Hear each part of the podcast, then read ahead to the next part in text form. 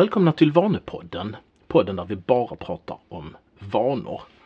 Jag heter Patrik Friberg och normalt så finns ju alltid Jenny Westman med i studion.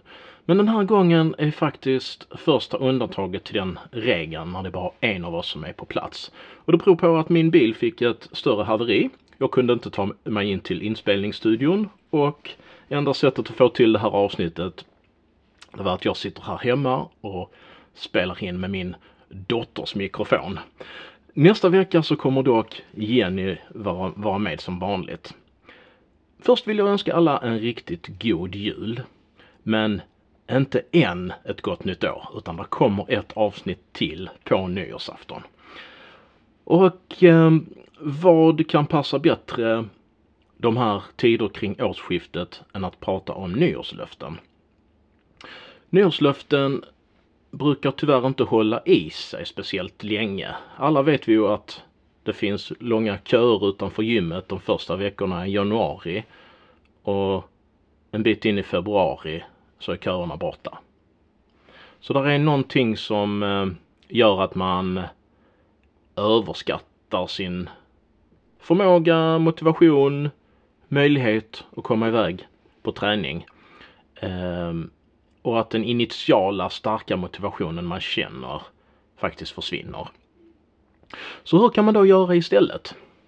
För att få till nyårslöften som faktiskt håller i sig, inte bara året ut, utan i åratal framöver.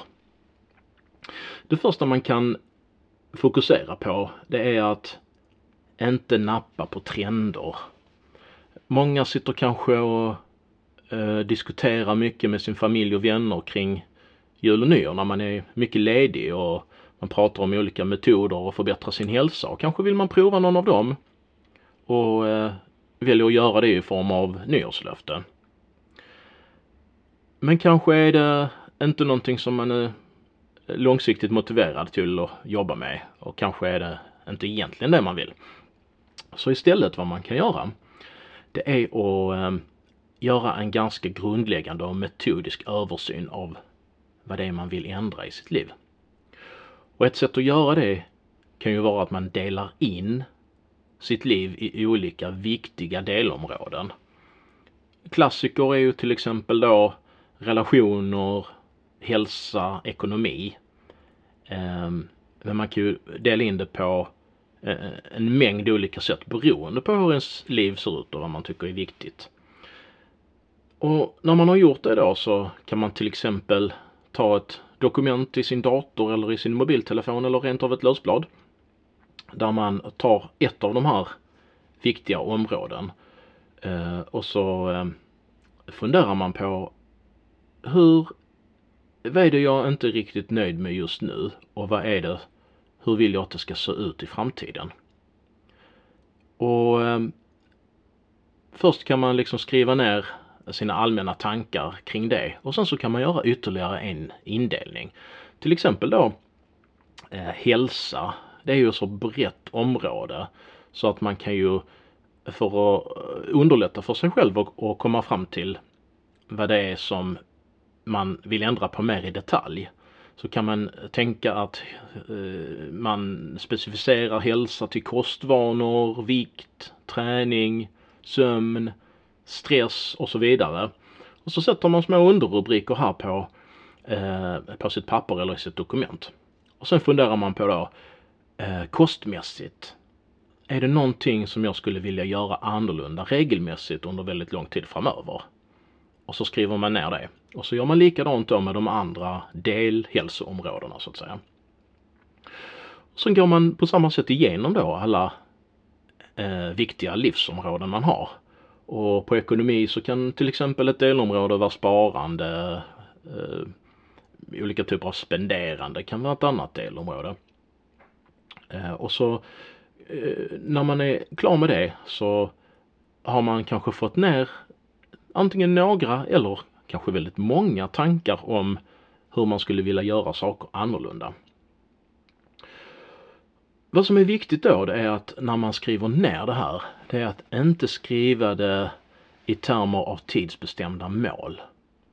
För det finns en även om mål kan vara motiverande, någonting som gör att man kan uppbringa en tillfälligt hög motivation för att uppnå det här målet.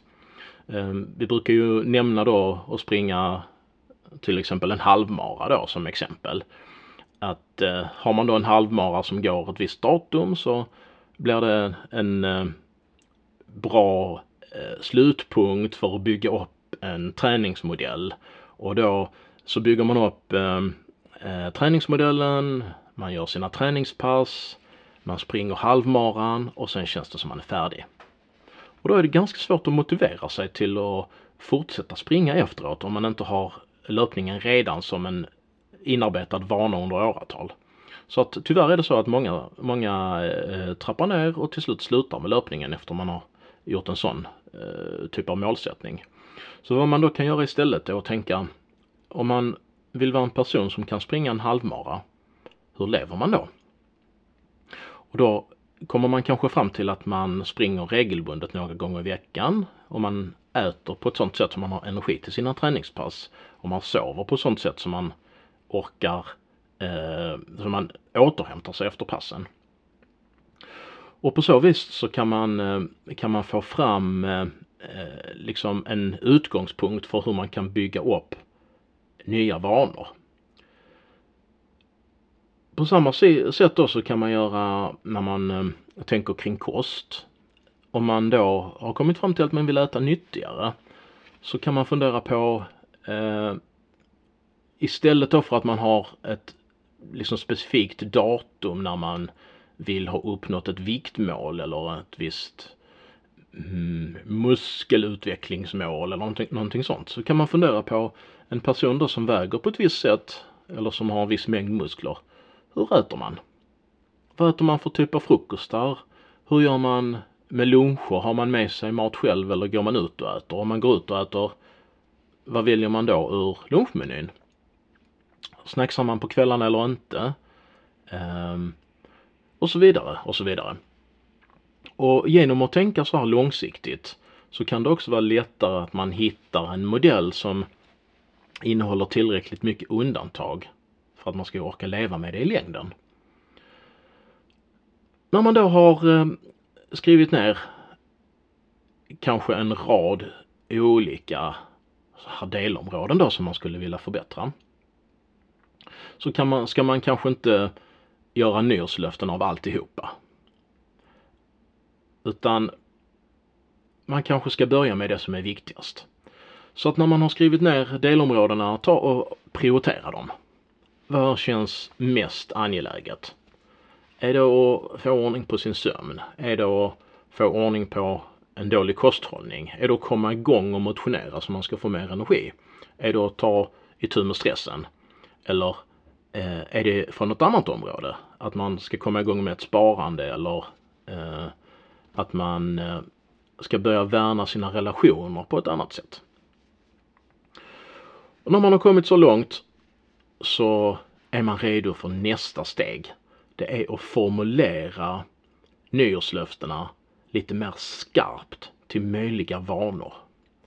Och där kan man tjäna väldigt mycket på att göra det på ett ganska specifikt och detaljerat sätt som vi ska prata om i nästa avsnitt som kommer då på nyårsafton.